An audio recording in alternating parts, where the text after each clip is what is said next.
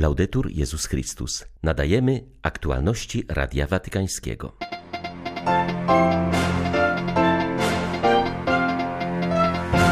Papież spotkał się z grupą polskich dzieci, które chorują na raka. Zapewnił je, że nawet w najbardziej bolesnych chwilach życia jest z nimi Jezus i jego matka.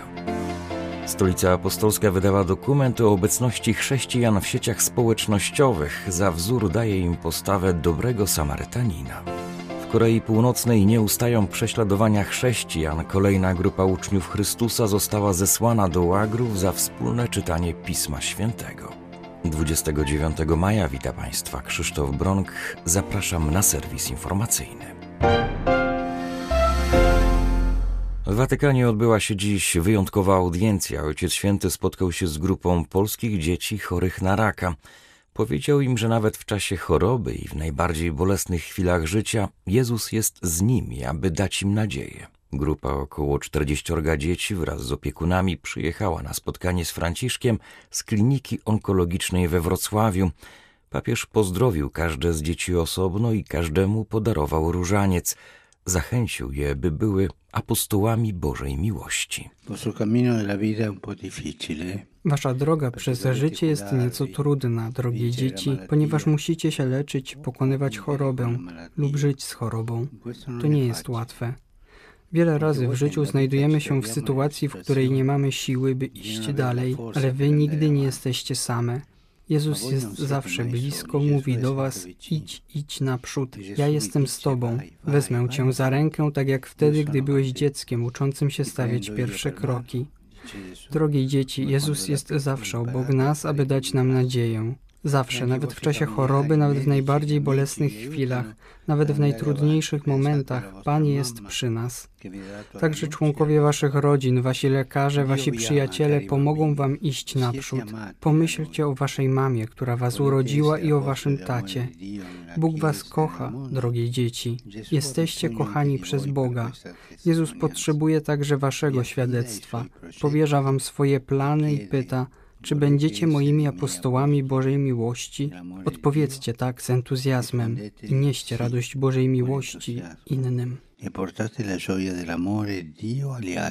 Franciszek radził chorym dzieciom, że gdy poczują się samotne lub opuszczone, powinny pamiętać o Matce Bożej.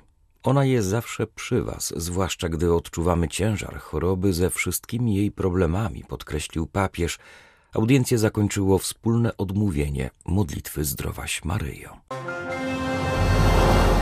Podstawą wszelkiej misji w Kościele jest osobista relacja z Panem Jezusem, przypomniał papież podczas spotkania z członkami zgromadzeń założonych przez świętego Antoniego Marię Zakariję. Choć zmarł on w wieku zaledwie 37 lat, stał się jedną z głównych postaci XVI-wiecznej reformy Kościoła. Jak zauważył Franciszek, w epoce, w której wielu duchownych przywykło do wygodnego i dostatniego życia, on założył Barnabitów, reformatorskie zgromadzenie kapłańskie. Z jego inicjatywy powstały też zgromadzenia sióstr i świeckich, którzy poświęcali się ewangelizacji. Potrafił być kreatywny, a zarazem wierny Ewangelii. Święty Antoni Maria był ukierunkowany zarówno na Boga, jak i na ludzi. Jeśli w naszym życiu wiary tracimy z oczu horyzont głoszenia, to zamykamy się w sobie i wysychamy na pustkowiach autoreferencyjności. Stajemy się jak sportowiec, który ciągle tylko przygotowuje się do wielkiego biegu swojego życia, nigdy nie startując. Prędzej czy później popada w depresję i zaczyna odpuszczać, a jego entuzjazm gaśnie. I tak stajemy się smutnymi apostołami. Ale my nie chcemy być smutnymi apostołami. Dlatego postawmy sobie pytanie, czy jest we mnie ten robak smutku, czy jako zakonnik, zakonnica, osoba świecka, pozwalam zagnieździć się we mnie temu robakowi. Ktoś powiedział, że smutny chrześcijanin jest marnym chrześcijaninem. To prawda, ale do nas, osób konsekrowanych, smutek nie może mieć dostępu, a jeśli ktoś odczuwa taki smutek, powinien natychmiast udać się przed oblicze Pana i modlić się o światło, a także poprosić jakiegoś brata czy siostrę, aby mu pomogli z tego wyjść. To dlatego Jezus umieścił samych korzeni Kościoła nakaz idźcie na cały świat i głoście Ewangelię wszelkiemu stworzeniu. A święty Paweł potwierdza to, mówiąc o swoim apostolstwie. Nie mogę się bez tego obejść i biada mi, gdybym nie głosił Chrystusa. Biada nam, jeśli nie będziemy głosić Chrystusa. Dlatego zachęcam Was, abyście szli naprzód w kierunku wskazanym przez Wasz charyzmat, wszędzie nieść żywego ducha Chrystusa. Żywy duch Chrystusa to ten, który podbija serce, który nie pozwala ci siedzieć w fotelu, ale sprawia, że wychodzisz do swoich braci i sióstr z lekkim plecakiem i spojrzeniem pełnym miłości. Papież spotkał się dziś z młodymi z Czarnego Lądu przy okazji Dnia Afryki. To święto upamiętnia założenie Unii Afrykańskiej i jak wskazał Franciszek jest symbolem walki całego kontynentu o wolność, rozwój ekonomiczny i społeczny oraz dowartościowanie dziedzictwa kulturowego Afryki. Franciszek zachęcał młodych Afrykańczyków, aby mieli odwagę być innymi, dać świadectwo hojności, służby, czystości, odwagi i przebaczenia. Wasza droga afrykańska ziemia stoi w obliczu ogromnych wyzwań, takich jak terroryzm, złe rządy, korupcja, masowe bezrobocie wśród młodzieży, migracja konflikty między społecznościami, kryzys klimatyczny i żywnościowy. W tym kontekście możecie czuć się bezsilni i zniechęceni i mówić sobie, że przyszłość jest ponura i bez perspektyw. Ale jesteście młodzi, nosicie w sobie wiele talentów, pielęgnujecie wielkie ambicje. Nigdy nie rezygnujcie ze swoich marzeń, nigdy nie zakopujcie swego powołania. Nigdy się nie poddawajcie. Zawsze szukajcie co najmniej częściowych lub niedoskonałych sposobów przeżywania tego, co we waszym rozeznaniu uznajecie za autentyczne powołanie. Panie prezydencie, jest pan prawdziwym przykładem doceniania wartości służby, która stawia innych ponad własne oczekiwania, mówił papież obdarowując Sergia Mattarelle nagrodą Pawła VI. Jeden z symboli takiej postawy polityka stanowi jego zgoda na reelekcję na prezydenta Włoch, gdy krajowi groził kryzys polityczny, choć on sam pragnął już odpocząć. Polityk należy do rodziny zaangażowanej w pracę na rzecz dobra wspólnego. Jego brata Pier Santiego zamordowano za działalność antymafijną. Istnieje jednak ryzyko, że służba pozostanie raczej abstrakcyjnym ideałem, bez drugiego słowa, którego nigdy nie można od niej oddzielić odpowiedzialności. Również w owej kwestii nie sposób nie zauważyć owocnego podobieństwa z Giovannim Battistą Montinim, który jeszcze jako młody ksiądz był nauczycielem odpowiedzialności. Jako papież pisał, łatwiej jest bez wątpienia oskarżać innych o współczesne niesprawiedliwości, niż zrozumieć, że nikt nie jest bez winy i że trzeba wymagać poprawy od siebie. Oto słowa, które wydają mi się bardzo aktualne dzisiaj, kiedy obwinianie innych zachodzi niemal automatycznie, podczas gdy pasja dla wspólnoty słabnie, a zaangażowaniu grupowemu grozi, iż przyćmią je zupełnie potrzeby jednostki. Odpowiedzialność natomiast, jak pokazało nam w ostatnich dniach tak wielu mieszkańców Emilii, Romanii, wzywa każdego do przeciwstawienia się klimatowi defetyzmu oraz narzekania, a także do ponownego odkrycia siebie jako niezastąpionej części wyjątkowej tkanki społecznej i ludzkiej, do której wszyscy należymy.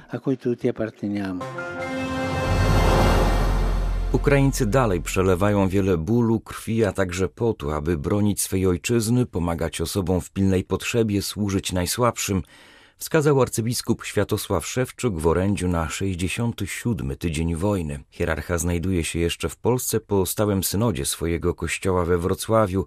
W niedzielnej przemowie przypomniał również o sytuacji swoich rodaków, którzy opuścili kraj z powodu rosyjskiej napaści. Zwierzchnik ukraińskich grekokatolików zaznaczył, że jego wspólnota wiernych szuka sposobów, aby wspierać wszystkich dotkniętych obecnymi tragicznymi okolicznościami. Dlatego biskupi wchodzący w skład stałego synodu zgromadzili się w Polsce i rozmawiali tam ze swoimi rodakami, a także z miejscowymi władzami, zauważył arcybiskup Szewczuk. I my сьогодні думаємо, скільки нам треба священників. I dziś myślimy o tym, ilu księży potrzebujemy, aby odpowiedzieć na potrzeby miliona stu tysięcy naszych uchodźców w samych Niemczech. Ilu potrzeba księży naszego kościoła w Polsce, żeby trzem milionom naszych rodaków zapewnić właściwą opiekę duszpasterską. Kiedykolwiek jednak spotykaliśmy się z Ukraińcami poza granicami, prosiliśmy ich, by marzyli o przyszłości i myśleli o naszym kraju, by przebywając czasowo poza swoją ojczyzną, czystą ziemią, zdobywali odpowiednie umiejętności, doświadczenie, poszerzenie horyzontów osobistego spojrzenia, aby następnie wrócić do domu i odbudować z ruin naszą ojczyznę. Pragniemy dzisiaj szczerze podziękować wszystkim dobrym ludziom z różnych krajów, w tym europejskich, którzy ze współczuciem odnieśli się do bólu Ukraińców i otwierają dla nich swoje serca, domy oraz kościoły. Dziękujemy za to, że już dziś, tu w Polsce, możemy doświadczyć wykuwania przyszłości Ukrainy, Ukrainy odrodzonej, odbudowanej. Obecnie my, ukraińscy biskupi, szukamy przyjaciół, tworzymy szeroką międzynarodową koalicję na rzecz wsparcia naszej ojczyzny. I oczywiście za każdym razem modlimy się za naszych żołnierzy, za chłopaków oraz dziewczęta na froncie. Myślimy o tym, jak pomóc przezwyciężyć kryzys humanitarny spowodowany wojną, jak leczyć tych, którzy są przez nią okaleczani. Ratować tych, kogo ta wina kaliczyć. Arcybiskup Szewczuk w niedzielę przebywał w Lublinie, gdzie wskazał również na szczególnie cenną postawę Polaków wobec rosyjskiej napaści na Ukrainę i przybywających stamtąd uchodźców, zapowiedział, że 7 lipca wobec kolejnej rocznicy tragicznych wydarzeń na Wołyniu może zostać ogłoszony w Warszawie kolejny tekst polsko-ukraińskiego pojednania.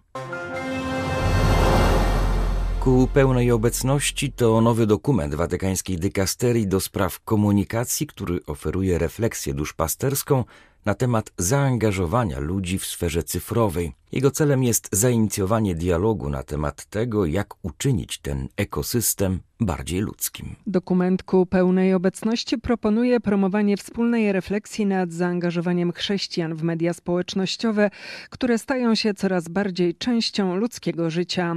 Dokument zainspirowany przypowieścią o miłosiernym Samarytaninie ma na celu zainicjowanie wspólnej refleksji dla promowania kultury bycia miłosiernym bliźnim również w sferze cyfrowej. W kontekście mediów społecznościowych, w których jednostki są często zarówno konsumentami, jak i towarem, ta refleksja duszpasterska poszukuje odpowiedzi opartej na wierze. Odpowiedź ta zaczyna się od rozeznania bodźców, które otrzymujemy i od uważnego słuchania. Uważność wraz z poczuciem przynależności, wzajemności i solidarności są filarami budowania poczucia jedności, które ostatecznie powinno wzmocnić lokalne społeczności, umożliwiając im stanie się motorem zmian. Stając się tkaczami komunii poprzez kreatywność miłości możemy wyobrazić sobie nowe modele zbudowane na zaufaniu, przejrzystości i włączeniu, ucząc się bycia obecnymi w Bożym stylu i niosąc znak świadectwa. W Korei Północnej aresztowano pięć osób, które zebrały się, aby wspólnie czytać Pismo Święte i modlić się zostały zesłane do łagrów w celu reedukacji. Incydent został ujawniony przez Radio Wolna Azja, które otrzymało relację ze strony swego informatora. Według rozgłośni grupa zwykła się spotykać w ukryciu co niedzielę w jednym z wiejskich gospodarstw w wiosce Tongam w centrum kraju. Gdy zebrali się 30 kwietnia, czekała już na nich policja. Padli ofiarą donosu. W budynku znaleziono liczne broszury biblijne. Funkcjonariusze państwowi naciskali na zatrzymanych, by ci wyrzekli się wiary, ale spotkali się z odmową. Chrześcijanie zostali więc skierowani do łagrów. Nie był to pierwszy przypadek aresztowań za wiarę we wspomnianej wiosce. Do podobnych represji doszło w 2005 i w 1997 roku. W okolicy od dawna było obecne chrześcijaństwo, niegdyś stał tam również duży kościół. W Korei Północnej religie są zakazane. Państwo dokonuje egzekucji, a także torturuje i znęca się nad ludźmi wierzącymi. Pomimo to wiara jest praktykowana w podziemiu, a Biblie lub inne materiały religijne są przemycane przez chińską granicę. Były to aktualności Radia Watykańskiego. Laudetur Jezus Chrystus.